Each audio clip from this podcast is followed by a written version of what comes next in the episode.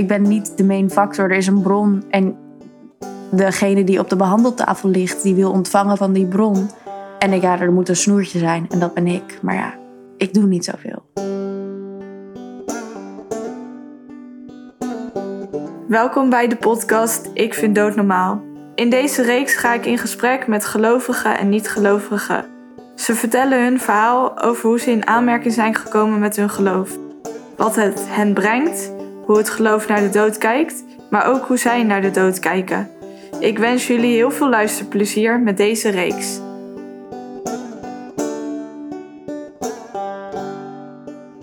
Fijn dat je luistert naar een aflevering van de podcast Ik vind dood normaal. In deze aflevering spreek ik Maaike, waarbij Maaike mij direct vertelde: wist al dat je mij ging benaderen voor een podcast. En dit was voordat ik wist dat ik Maaike zou benaderen. Volg je hem nog? Maaike geeft reiki aan mensen en vandaag neemt ze ons mee in haar wereld. Dankjewel Maaike voor jouw mooie, bijzondere verhaal.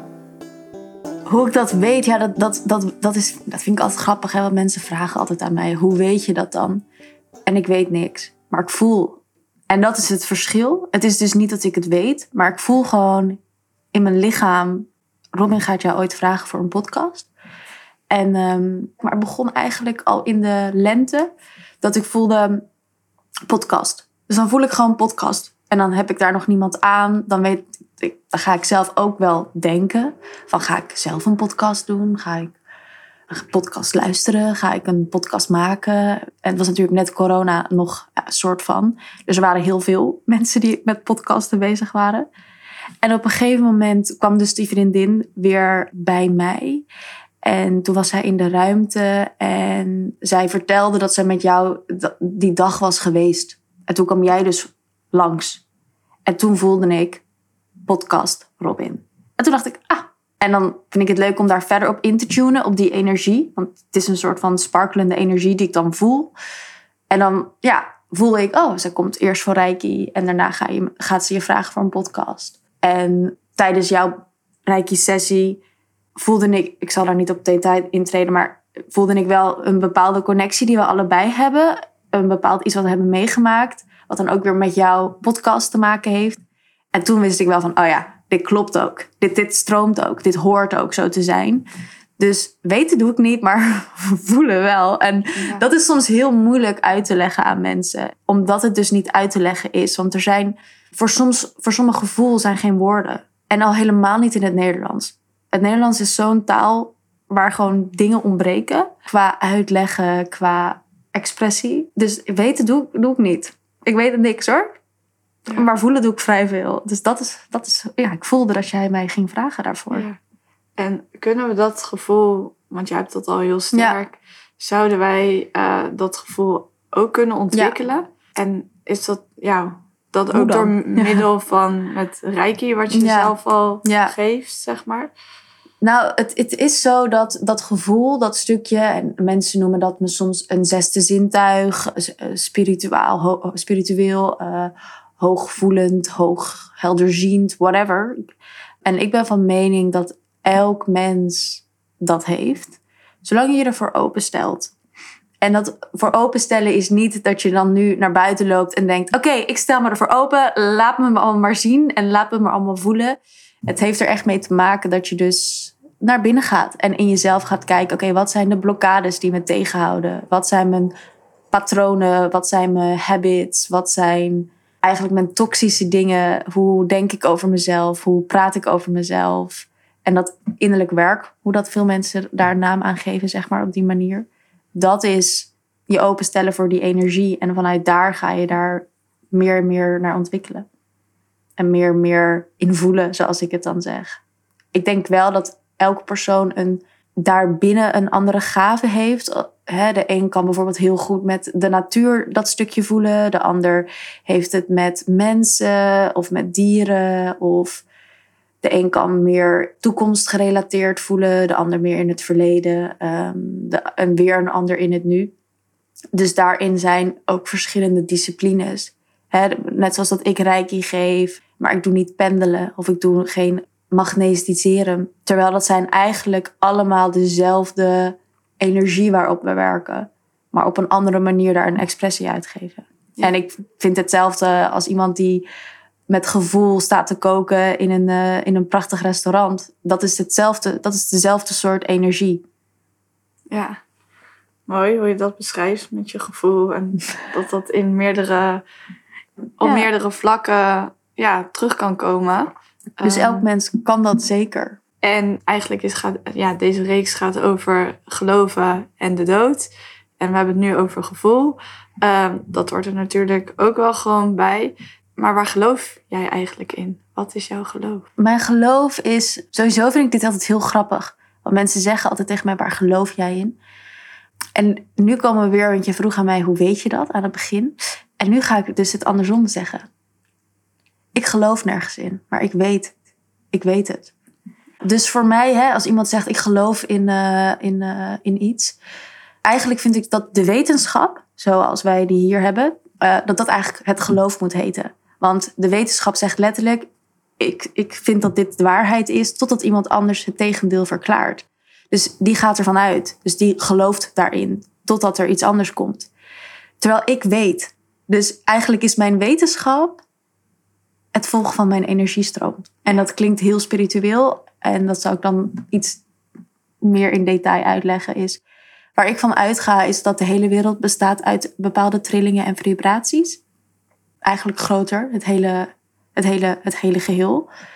En die trillingen en die vibraties die zorgen ervoor dat eh, dingen tastbaar zijn. Hè? We hebben hier een podcast en we hebben hier zo'n eh, geluidsding.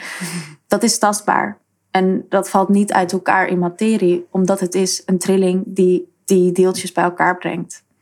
Nou, die deeltjes zijn dus dingen als meubels, maar zijn ook levende wezens zoals jij en ik, de planten.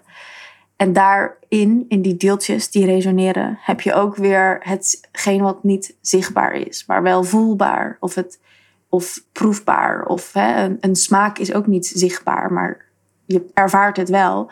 En dat is hetzelfde als dus de energiestroom waar ik in geloof. En die energiestroom die zorgt dus voor al de dingen.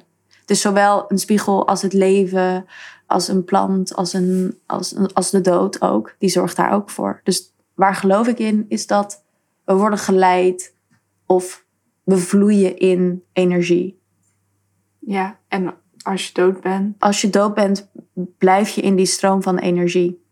Het is grappig, want ik had drie weken geleden een gesprek met een vriendin van mij. En eh ging ook over de dood. En toen moest ik wel van binnen wel lachen, want ik wist toen al wel dat wij die podcast gingen opnemen. Ik weet niet meer wa- waar, hoe we erop kwamen, maar toen zei zij van ja, en de dood, ik vind dat zo eh, beangstig. Want wat dan? Wat dan? En voor mij, ik ben dus iemand, ik, ik kijk er dus, en dat klinkt heel heftig, maar ik kijk er dus echt naar uit om dood te gaan. Ik heb daar dus, nou niet dat ik er zin in heb, maar wel dat ik denk, oh ja, weet je, dat is tof. Ik, heb, ik wil ook wel weten. Want ik weet dat als ik dood ga, dat ik naar een nieuwe rol ga in de energie. Dus dat, maar heel radicaal gezegd, ik weet dat als ik doodga, dat ik een energie word die niet meer een lichaam krijgt. Ik weet dat ik een energie word die de mensen op dat moment op deze aarde gaat begeleiden met de kennis die ik op heb gedaan hier. En dan word ik dus een deel van een grotere energiestroom. En ja, daar geloof ik in. Nou ja, ik weet dat. Dus dat is, ehm, dat is mijn, mijn wetenschap. Ik zei tegen haar van, hè, jij geeft jezelf ook over, toch? Aan je innerlijk werk en aan het naar binnen kijken. Zij zei, ja, dat, eh, dat doe ik. En toen zei ik tegen haar van, als jij dood bent, ik gun jou om dood te gaan. En dat betekent niet dat ik geen pijn heb als jij nu doodgaat. Want ik ga jou hier in het fysieke leven, ik ga jou missen, maar dat is mij. Maar ik weet dat jij oké bent, want jij gaat naar een goede plek. En het verdriet wat je voelt als iemand doodgaat, is nooit het verdriet om iemand anders, maar is het verdriet wat in jezelf zit. En dat mag er zijn. Want dat is ook, het is ook vervelend als jij hier op deze aarde achterblijft en iemand gaat dood. En ook nog iemand met wie je graag bent. Dat is heel naar, dat is heel vervelend. En dat, dat, dat, dat is heel lastig voor sommige mensen om dat te begrijpen. Omdat de dood wordt in onze cultuur heel erg gezien als iets wat eng is, wat rouwend is, wat zwart is. Terwijl ik zie het als iets moois, maar ik heb wel mijn eigen verdriet daarin, zeker. En toen zei ze, oh wow, als je het nu zo beschrijft, is eigenlijk de dood alleen maar pijnlijk voor de mensen die hier zijn. Zeg ja, dat is het ook. Het is eigenlijk echt alleen pijnlijk voor jou op dit moment. En toen zei ze, oké. En zei ik, ja, dat is mooi, want dat maakt je menselijk. En dat, dat, dat is ook weer die connectie met die energie, want je connect met iemand en dat is wat we willen. En ja, dan is het ook pijnlijk als die connectie er niet meer is. Maar je hoeft er niet bang voor te zijn. Je hoeft het niet te verbannen.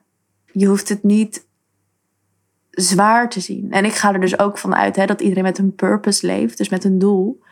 Dus ook als je doodgaat, hoort dat erbij. En ja, ook als dat een kind is. Ook als dat iemand is in het leger. Ook als dat iemand is die vermoord wordt. En dat is heel heftig, dat weet ik. En ik weet dat niet iedereen het daarmee eens is. Maar hè, bijvoorbeeld als iemand vermoord wordt en op een brute wijze. En dat komt in het nieuws en dat verspreidt zich. En dat zorgt er wel voor, vind ik, van oh ja, we worden weer met de, weet je wel, we worden weer wakker geschud van kijk, dit kan gebeuren als we niet communiceren. Of dit kan er gebeuren als we mensen buitensluiten in deze maatschappij.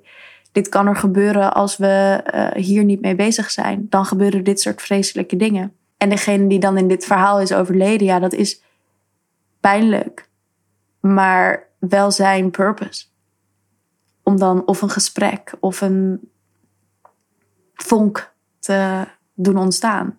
Dat denk ik zeker. En ja, dat is wel uh, voor de een heftig, maar dat is dus waar ik, ja, hoe zij reageerde en wat ik tegen haar zei. En uiteindelijk zag ik aan haar en voelde ik vooral aan haar energie dat zij uh, wel rust daarin vond. En dat ze iets had van, oh ja, het is gewoon oké. Okay. Ja, knap hoe je dat zo uh, wel gewoon benoemt. In ieder geval, ik denk er ook wel zo over. Um, uiteindelijk ja, is het je eigen ego die die persoon mist. Ja. Wat inderdaad helemaal oké okay is. Het is ook heel verdrietig om waar je altijd veel mee was. Of Ja. niet veel mee was, maar wel veel gaf. Dat diegene er niet meer is. Maar diegene Is er wel, ja. is er wel en zal Ja. inderdaad gelukkig zijn. Ja, Ja, en die gaat, hè, en ik, ik geloof ook, hè, sommige, sommige zielen of sommige energieën komen dan weer terug als mens. Weet je, die, de, de ziel, de, de, de, de trilling, die bestaat door. ja. Ja, want ja, eh, over energieën doet dat ook met je werk. Ja. Energieën Klopt. kan je een beetje met reiki meenemen. Ik vind ook wel dat mensen het moeten ervaren. Dat, Eh, dat is altijd, hè? Want ja. de ervaring, want voor iedereen is het natuurlijk anders. Het, is voor, het ligt er ook heel erg aan hoe erg wil je naar binnen gaan. Reiki geeft sowieso aan jou wat je op dat moment kan en wil ontvangen. Dus dat is ten eerste. Dus het- daarom is de ervaring voor iedereen elke keer anders. En wat Reiki is, Reiki is een Japanse geneeswijze. Dus het komt uit Japan. Is nog vrij jong. Als je kijkt bijvoorbeeld in vergelijking met Ayurveda, is Reiki erg jong. En wat het doet, het is eigenlijk het werken met universele levensenergie. Zoals, zoals het staat geschreven in de boeken. En hoe ik het persoonlijk ervaar is dus dat er is een energie die leven laat ontstaan. En of dat nou chi, pranayama, whatever is. Die energie die is een voedende energie. En voor mij is het dezelfde energie als liefde. Dus als iemand vraagt, wat doe jij? Zeg ik, ja, ik doe liefdeswerk. Ik werk met liefde. Dat is dus een stroom van energie die ik gebruik. Of nee, ja, ik doe dat eigenlijk niet. Hè, want ik, ik beschrijf me altijd... We hebben hier dus de laptop en de microfoon. En er loopt ook een kabel. De USB-kabel die zorgt dat dit geluid waarschijnlijk op je laptop komt. Ik ben gewoon die kabel. En ik ben niet de main factor. Er is een bron en degene die op de behandeltafel ligt, die wil ontvangen van die bron. En ik, ja, er moet een snoertje zijn en dat ben ik. Maar ja, ik doe niet zoveel. En wat die bron voor degene heeft, dat is aan de bron en aan diegene. En daarin stuur ik alleen die energie. En dat is dus hetgeen wat die ander ontvangt. En dan gaat er bij hè, degene die daar ligt, gaan dingen stromen, eh, komen trauma's op. eh, eh, of juist releases, ehm, maar ook lichamelijk. Mensen met blessures die gaan weer voelen, oh, de energie gaat stromen. Dus ik eh, kan mijn spieren daar anders bewegen of loslaten. Dus dat is hoe ik werk met energie. En dat is heel, het is gewoon moeilijk uit te leggen, omdat je moet het voelen. En dat is het, dat is het. Komen we weer bij dat gevoel. Ja, Wanneer is dat gevoel bij jou ontwikkeld? Had je dat vanaf kleins af aan al? Kreeg het van je ouders mee? Of pas op latere leeftijd omdat iets gebeurde in je, in je leven? In mijn leven. Nou, ik heb dit altijd als kind heel erg gehad. Ik ehm, ben gewoon erg gevoelig. Ik ben gewoon een, een gevoelig kind. Ik, eh, ik voelde ook veel dingen aan. Ik wist hè, van oké, eh, diegene is boos, diegene is verdrietig of blij. Of, eh, en ik wist ook dat bepaalde dingen gingen gebeuren. Maar ik wist daar nog echt niet mee om te gaan hoor. Dus het was best wel. Ik heb best wel een, in dat opzicht een soort van alleenige opgroei gehad. Uh, omdat ik gewoon. Ik wist niet zo goed hoe ik moest communiceren met mensen. Want ik voelde dan zoveel en dan wist ik niet zo goed hoe ik daarmee om moest gaan. En ook wel. Ik denk voor mijn. Ik kan me bijvoorbeeld nog herinneren dat mijn uh, opa en oma gingen overleden. Dus de overlijden, de, de moeder en de vader van mijn moeder ik, ik wist gewoon dat dat ging gebeuren. Dus ik zei ook tegen mijn moeder van ja, uh, oma gaat nu dood, dus ga er maar heen. Dat soort dingen. Dat is best wel heftig natuurlijk als je kind dat zegt. En wat ik merkte was dat um, mensen gaan erg open naar mij. Dus als kind af, vanaf kleins af aan had ik al wel mensen die naar mij toe kwamen en mij hun levensverhaal gingen vertellen of hun problemen gingen vertellen. En kan me bijvoorbeeld herinneren dat ik op de lagere school zat en dat er een kind, ja, gewoon een, een jongetje uit mijn klas, die mij eigenlijk altijd pestte. En zo ging het vaak. Dan werd ik gepest en dan kwam de pester opeens naar mij toe en die zei: Ja, uh, ik heb eigenlijk helemaal geen eten, zei hij. Ik heb geen eten. En mijn moeder slaapt me en ik, uh, daarom, daarom ben ik soms zo boos op jou. En uh, ik, mensen zien mij natuurlijk niet, maar ik ben heel wit en ik heb blond haar en blauwe ogen. En een of andere manier val ik altijd heel erg op. Waardoor iemand dan in mijn jeugd me gewoon pijn wilde doen. En toen kwam, ja, Jordi heette hij, dat kan ik wel zeggen, dat is zo lang geleden. Jordi naar mij toe op een gegeven moment. En toen stond ik bij de trap. En toen dacht ik, oh ja, weet je, ik liet het ook altijd heel erg over me heen gaan. Ik voelde het ook, ik deed ook nooit iets. Ik dacht, oké, nou, dan word ik weer geslagen, had ik dan het gevoel. En toen opeens was het een ander iets. En toen zei hij, oh ja, nou, uh, ik moet je eigenlijk vertellen, ja, mijn moeder slaapt mij en ik heb geen eten. En dat ik tegen hem zei, oh, maar ja, ik heb nogal boterhammen met pindakaas. Mag je die toch? En ik heb dat gewoon altijd gehad. En ik heb het wel vroeger, of zeg je dat weer wat later, toen ik wat ouder werd, toen ik denk ik een jaar of twaalf was, kreeg ik daar last van. Toen dacht ik, wat is dit? Dus toen heb ik ook echt geprobeerd om uh, te geloven in het christendom. Want ik dacht, als ik nou kan geloven in Christus, als ik kan geloven in een God, als ik daarin een soort van houvast kan vinden, dan is alles wat ik meemaak te wijten aan dat. En ik heb het echt geprobeerd, hè? maar het lukte me gewoon niet. Want steeds dan las ik iets of, of hoorde ik iets daarin. Dacht ik, ja, dat klopt niet.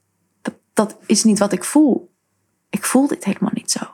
En toen heb ik ook, ik heb ook jaren geprobeerd om, om, om dat gevoel niet meer te hebben. Echt. Ik heb ook, ja, ik heb een zwarte, zwarte periode meegemaakt. Dat ik niet wilde voelen en dat ik me echt van mijn lichaam wilde detacheren. En dat ik ja, daar gewoon niet bij kwam, omdat ik het niet snapte. Omdat ik niet wist, ja, wat, ik voel zoveel.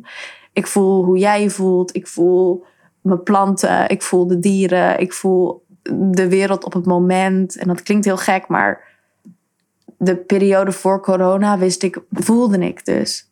En daardoor weet ik van oké, ik voel in de wereld dat er iets gaat shiften. En de shift bedoel ik dat er energie shift. Er komt iets aan. En toen kwam corona. En dat is soms wel waardoor je dingen misschien... Ja, ik ervaar gewoon. En dat heb ik dus altijd gehad.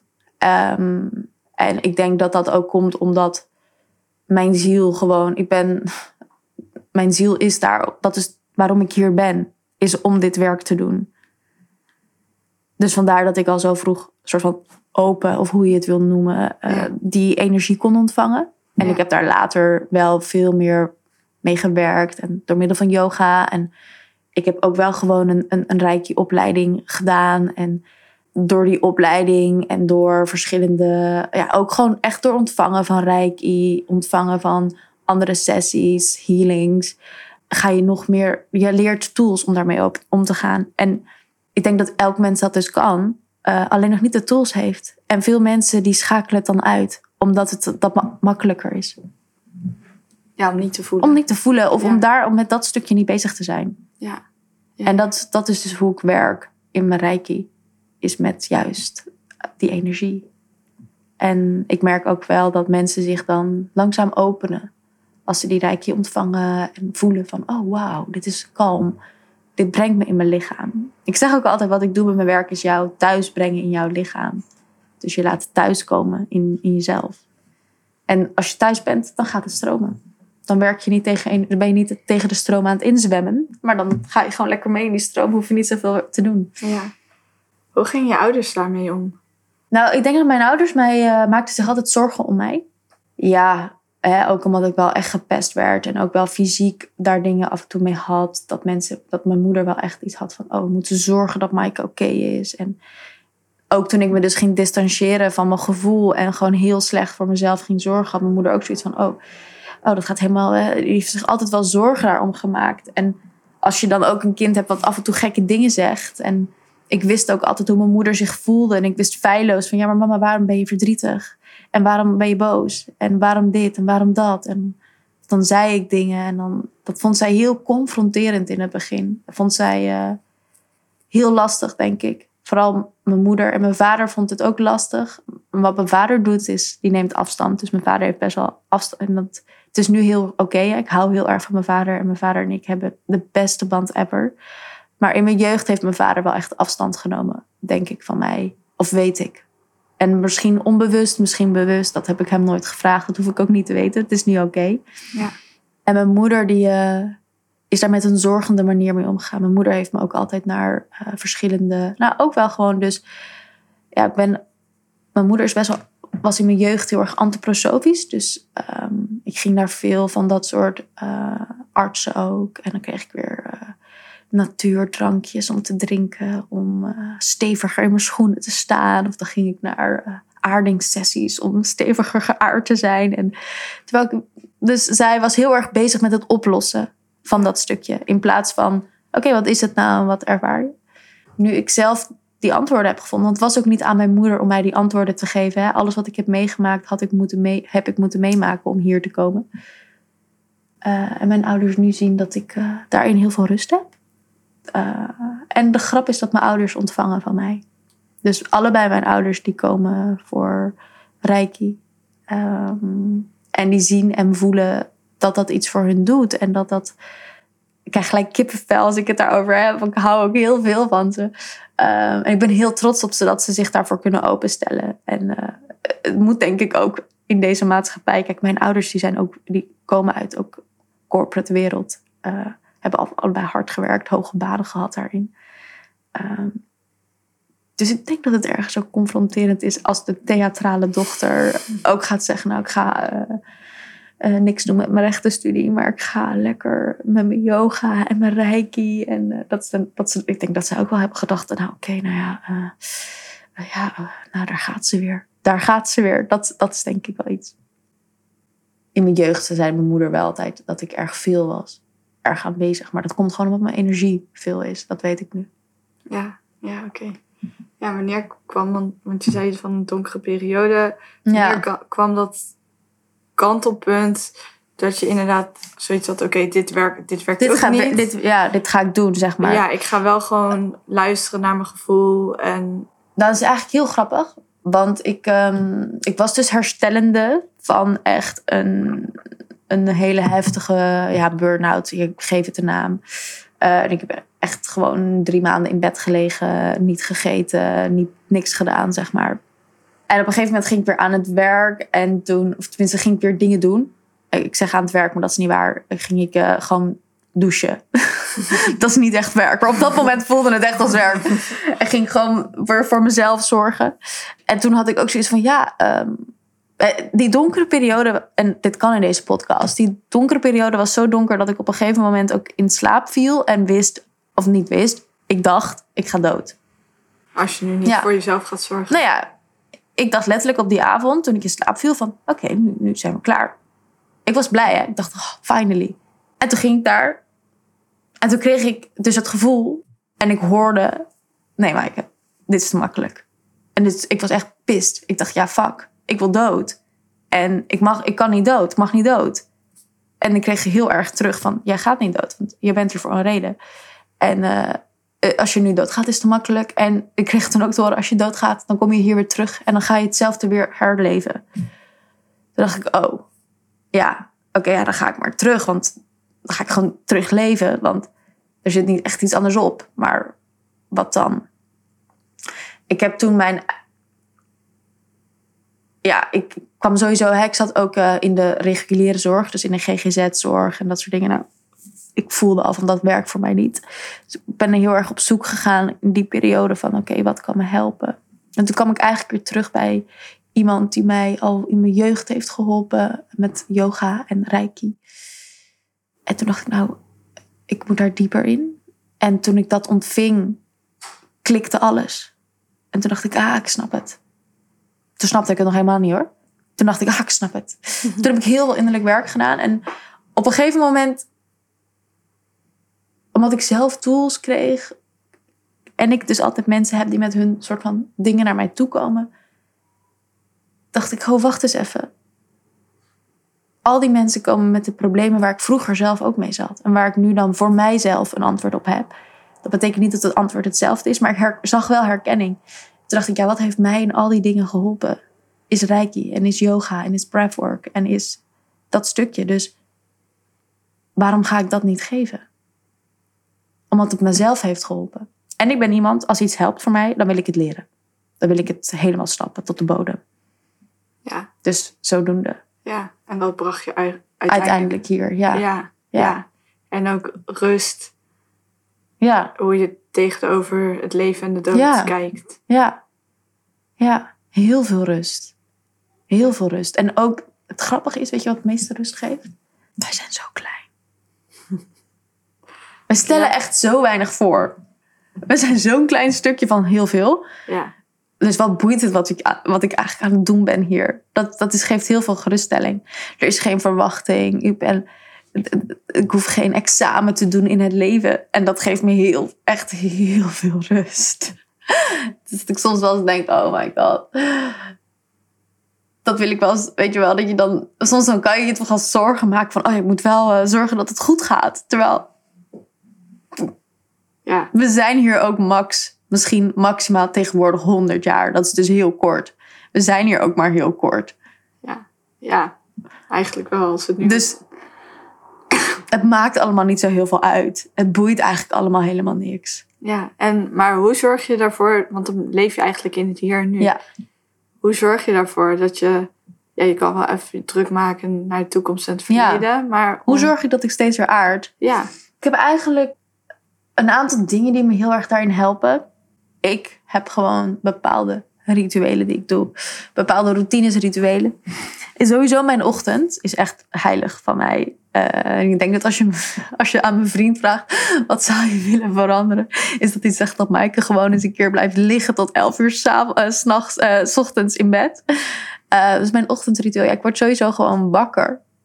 om vijf, zes uur. En dan het liefste wat ik dan gelijk doe is naar buiten gaan. En is hardlopen. En is rennen. En dat is eigenlijk voor mij het moment dat ik aard. Dan voel ik dat mijn voeten en de aarde beweging maken. En ik woon achter de Kralingse plas. Het liefst ren ik door die bossen daar. Uh, en ik zeg dan ook altijd, ik moet even naar mijn bomen. En weer of geen weer, ik, ik ben daar. En dat heeft mij heel veel. Dat, dat geeft me dus een soort van besef. Als ik die bomen zie en ik voel. En ik hou er dus nu ook, nu is het donker. En dan voel ik me zo. Dan voel ik van, oh ja, ik ben zo klein onderdeel van alles. Het is oké, weet je wel. En ik, uh, ik ben een witte stip, letterlijk, die aan het rennen is hier. En alles is gewoon oké. En dan, het is, dat, dat geeft me heel veel rust. En dan kom ik thuis en dan doe ik mijn yoga practice. En mijn yoga practice heb ik zelf ontwikkeld. Mensen in die, die thuis zijn in de yoga. Het is een combinatie van Ashtanga en flow. Dat zorgt er eigenlijk voor dat ik de energiestroom voel in mijn lichaam. Dus hoe beweeg ik? Waar zitten blokkades? Waar is mijn hoofd mee bezig? Waar is mijn ego mee bezig? En dan komen er dingen op. Dan komen er dingen op van, oh ja, misschien moet je harder werken. Oh ja, misschien gaat het wel helemaal fout. Oh, je hebt het wel bedacht, maar komt het wel zo? En dat is heel grappig, want dus in mijn yoga heb ik heel erg die gedachten. Maar ik laat ze gewoon gaan. Ze komen allemaal langs. Ik krijg dat ook en daardoor vind ik het a-relaxed. Het is Maar yoga is a-relaxed. Oh, nou ik hoor, ja, omdat zoveel mensen zeggen, nee, raak je van ontspannen. Nee. En eh, Maar dat is dus het stuk yoga waar je bezig bent met je lichaam. En dan komt savasana, dus dan lig je. En dan geef ik mezelf reiki daarin. En dan voel ik dus letterlijk van ik lig hier.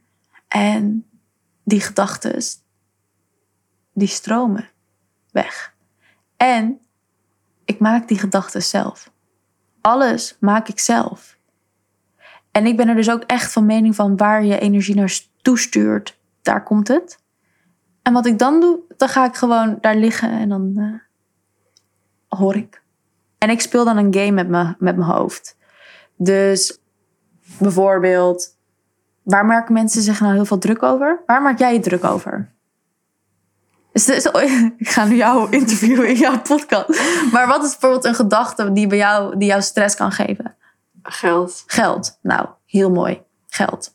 Nou, dan denk ik wel. ik- Tuurlijk heb ik die gedachte ook van shit, ik moet meer geld verdienen. Of ik verdien te weinig. Nou, dan komt die gedachte in me op. Ik verdien te weinig geld. Oké, zeg ik dan. Ik verdien te weinig geld. Dus je verdient te weinig. Wat dan? Wat gebeurt er dan als je te weinig geld verdient? Ja, nou, dan kan, ik, eh, dan kan ik geen kleren meer kopen. Dan kan ik uiteindelijk geen boodschappen meer kopen. Dan moet ik, mijn moet ik een ander huis vinden. Oké, oké, ja. Dan vind je een ander huis. Eh, ja, en zometeen kan je helemaal geen huis vinden. En helemaal, eh, of, of moet je in de sociale woning. Oké, dan ga ik in de sociale woning huur. En dan, ja, en geen boodschappen. Oh ja, nou, dan gaan we naar de voedselbank. Oké, ja, oké, en dan? Ja, nou ja, dan eh, alle mensen die. d- dan komt er vaak, hè, dan komt vaak dit stukje. Oh ja, nou dan gaan je ouders denken dat je gefaald bent. En eh, wat gaan je vrienden dan wel niet denken? En ben je dan wel gelukkig? Oh ja, nou ja, ik weet dat mijn ouders van me houden, toch? Ja. Waarschijnlijk gaan mijn ouders me helpen als ik echt zo in de financiële problemen kom. Oké. Is er verder dan nog iets? Vraag ik aan mijn hoofd. Ja, nou ja, dan ben je gefaald. Oh ja, oh ja, dan ben ik gefaald. En dan? Ja, dan, dan, stel je niks voor. Oh ja. Is er verder dan nog iets? ja, nou ja, dan heb je geen eten. Ja, maar die hadden we al gehad. Die hadden we al gehad. Die hadden we al opgelost, toch? Oh ja. Ja, dan ga je dood, want je hebt niks. Oké. En dan? Ja, dan ga je dood. Ja, maar dat hadden we toch ook al opgelost in ons, überhaupt in onze overtuiging. Dat je hoeft niet bang te zijn voor de dood.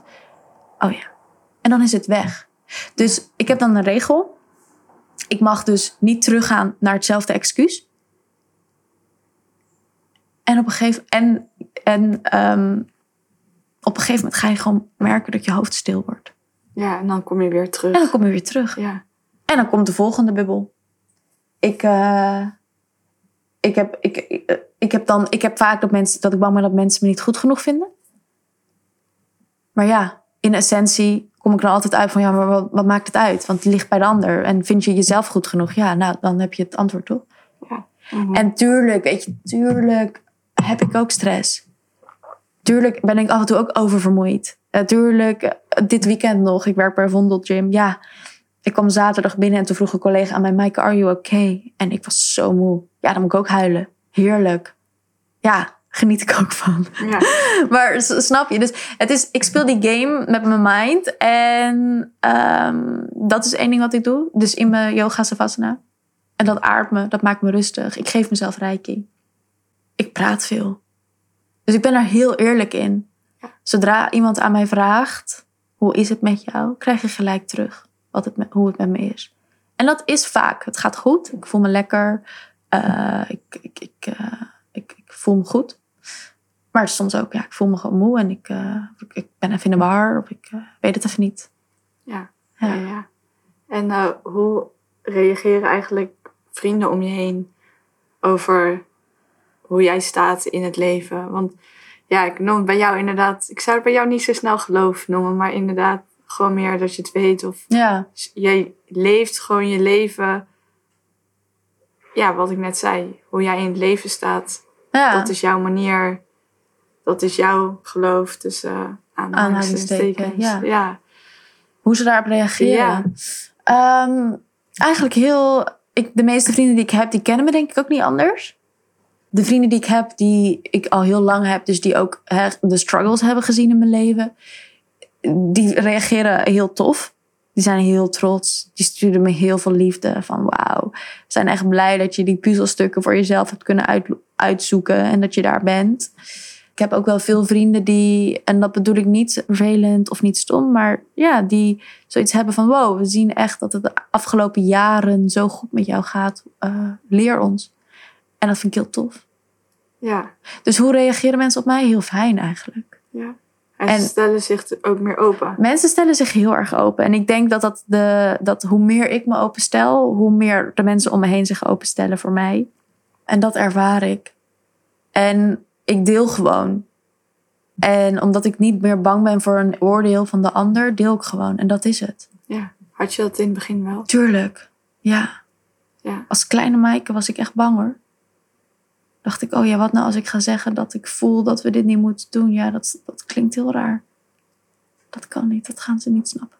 En ik, ik heb ook wel veel vriendschappen gebroken met wie ik voel dat, dat, dat, dat dat zij dat stukje van mij niet begrijpen. En dat ik hun daarin ook niet begrijp. Ja. En dan weet ik, ja, dan, dan is het een energie die niet stroomt. Dus dan kost het me veel meer. Ja, ja, ja, ja. Mooi.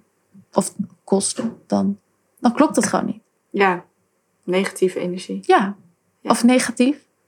Energie die niet stroomt. Ja, Dus een energie die een niet- blokkade oplevert. En ja, dat heb ik geen zin in. ja. Nee, dat snap ik. Oké. Ik zit nog even te denken van... Hoe kunnen we hem weer even naar de dood koppelen? Nou, de dood is één groot feest. Ja, want we Nee. hebben nu heel veel over Ja, leven. En over, ja, een dood. Voelen. Ja, dood. Dood, dood, dood. Het is wel een hard woord, hè? Eigenlijk. Dood is eigenlijk Nu ik het ook vaker zo zeg. Dood. Het is grappig dat jij vandaag komt voor deze podcast. Want gisteren was mijn omaatje. is de sterfdag van mijn oma. Wauw. En eh, op een gegeven moment... Ik was dat dus een beetje vergeten dat het haar sterfdag was. En op een gegeven moment... Ik merkte wel dat ik 's ochtends wakker werd. Dat ik voelde haar energie. Maar dat is vaker zo. Maar sterker. En ehm, toen had mijn tante iets gestuurd van... eh, in de groepsapp. Ik ga even mijn telefoon erbij pakken. En dat was voor mij weer een realisatie. Oh, weet je, zij, zij is nog steeds in grief. Zij is nog steeds aan het rouwen. Dat was een. ehm, Ja, ze zei: Sending you a, bit of love today. Zoiets had ze gestuurd. Terwijl het gaat niet om het sturen van de liefde. Maar om het ontvangen van de liefde die dan van degene die dood is. En dat voelde ik heel erg dat mijn oma dat aan het doen was. Mijn oma kwam echt zo langs. Hey Mike, het is mijn sterfdag, maar ik hou gewoon nog steeds van jou. En ik ben trots op je. En eh, dus wat je net, net zegt, hè, van de dood klinkt heel hard. Maar eigenlijk is de dood overgave. Overgave aan een groter geheel.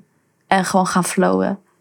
En dat was ook echt wat mijn oma... Dat gevoel wat mijn oma aan mij gaf gisteren was echt zo van... Nou, ik ben hier echt lekker bezig. Ik ben hier lekker aan het stromen. Ik ben hier lekker allemaal dingen aan het doen. Ik heb heel veel pijnen los kunnen laten. En eh, mijn oma komt ook terug hier op deze aarde als mens weer. Dus ik geloof ook wel een soort van... Niet in reïncarnatie, maar ik geloof erin dat een ziel een aantal keren terugkomt hier op deze aarde... om de lessen te leren. Dus mijn oma die zei ook van... Nou, ik kom ook gewoon weer terug. Dan is ze natuurlijk... Komt ze niet terug als dezelfde persoon, maar als een ander iets. Dus eh, vond, ze, was, vond ze ook leuk, had ze ook wel zin in. Zei ik ben ook alweer aan toe om eh, te gaan er- leren en te gaan ervaren. En dan, eh, dat is gewoon heel leuk. Ja. Dus de dood is een zwart woord, maar is, eigenlijk is het, mo- mogen we de dood meer wit maken? Ja, Mogen we de dood, meer over praten. dat denk ik ook. Dat denk ik ook. Dan dood is eigenlijk, en dat is in mijn omgeving niet, hè, omdat ik natuurlijk met al deze spirituele, eh, geconnecte baarmoeders eh, omga. maar eh, ik vergeet dat ook soms, hè, dat de dood eigenlijk in onze maatschappij dus heel, heel heftig is, heel zwaar. Maar het zou mooi zijn als we daar meer over praten en ook meer over delen. En juist ook mensen die bang zijn voor de dood, ga daarmee in gesprek van oké, wat is daar en waarom ben je daar bang voor en wat, wat, wat is dat, weet je wel? Ja, ja, dat is grappig. Eh, zeg maar in eh, de, de reeks met de verhalen over eh, mensen die dierbaren hebben verloren, daar, daar kwam heel veel. uiteindelijk had elk verhaal, elk verhaal is anders. Maar er zat wel een soort kern in van leef gewoon je leven en geniet. Ja. En haal er alles uit wat je eruit, Eruit wil. kan halen. Ja. en dat is het precies. En, maar met deze, je bent dan nu de derde die ik spreek. En ook al, ehm eh, ook al weer andere geloven. Maar dat ook al- alle geloven brengen eigenlijk rust bij mensen. Ja. Een, een soort, ja, Maar dat rust, is het ook. En overgave daaraan. En hè, of dat nou voor de ene Allah is, of voor de ander Jezus, of, of wat dan ook, of Boeddha. Het is heel mooi een geloof. Want wat je zegt, een geloof creëert rust. Een geloof creëert overgave. En ik denk eigenlijk dat de mensen zonder geloof, die denken dat je doodgaat en je lichaam verteerd wordt door de aarde en dat het is. Dat is zwart. Dat is pijnlijk. Want wat, wat is dat dan? Dan ben je hier gekomen om te rotten in de aarde.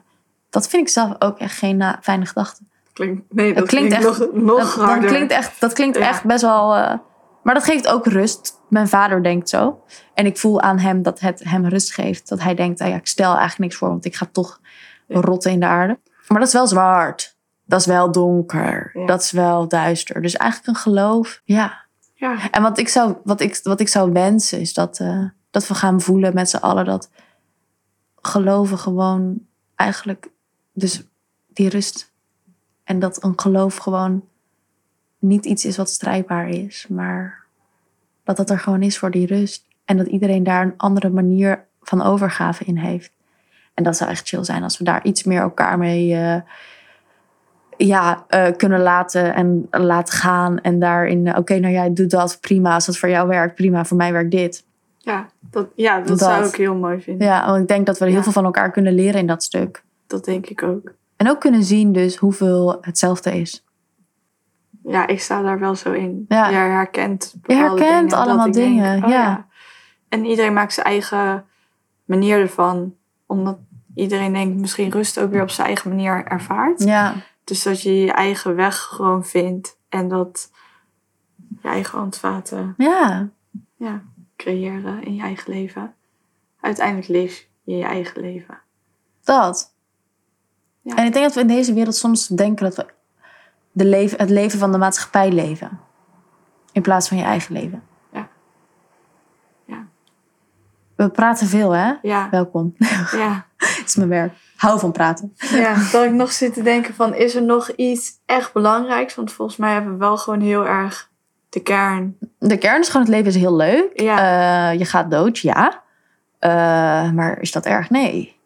Ja, ik denk eigenlijk wel dat we hem gewoon, Gewoon hebben. hebben. Ja, toch? Of wil je Ja. nog iets? Dus ik denk, ja, Nou, ik wil dit heel graag nog ik wil vertellen. heel graag nog vertellen. Nou, nee. Omarm de dood, zou ik zeggen. Zie het als iets leven. leuk. Ja, want het, het, het gaat bij elkaar. Want zonder dood is er geen leven en zonder leven is er geen dood. Dus ga lekker leven. Knuffel af en toe een boom. En eh, vooral, ik kan mensen echt aanraden om als ze dat willen, want het is gewoon heel leuk om af en toe dat die game met je mind te spelen. Is gewoon heel grappig. Is echt zo grappig. Ik zit dan soms moet ik lachen en dan vraagt mijn vriend wel ben je aan het lachen? Dan zeg ik ja, sorry. Ik, ik, moest, ik moest gewoon even lachen om mezelf. En dan ga ik zo'n rieltje af. Dus dat is echt iets waarvan ik denk, hm, ben je op zoek naar rust? Heb je nog geen geloof? Vind het in jezelf en play af en toe een game met je mind. Ja, dank je. jij bedankt. Daan.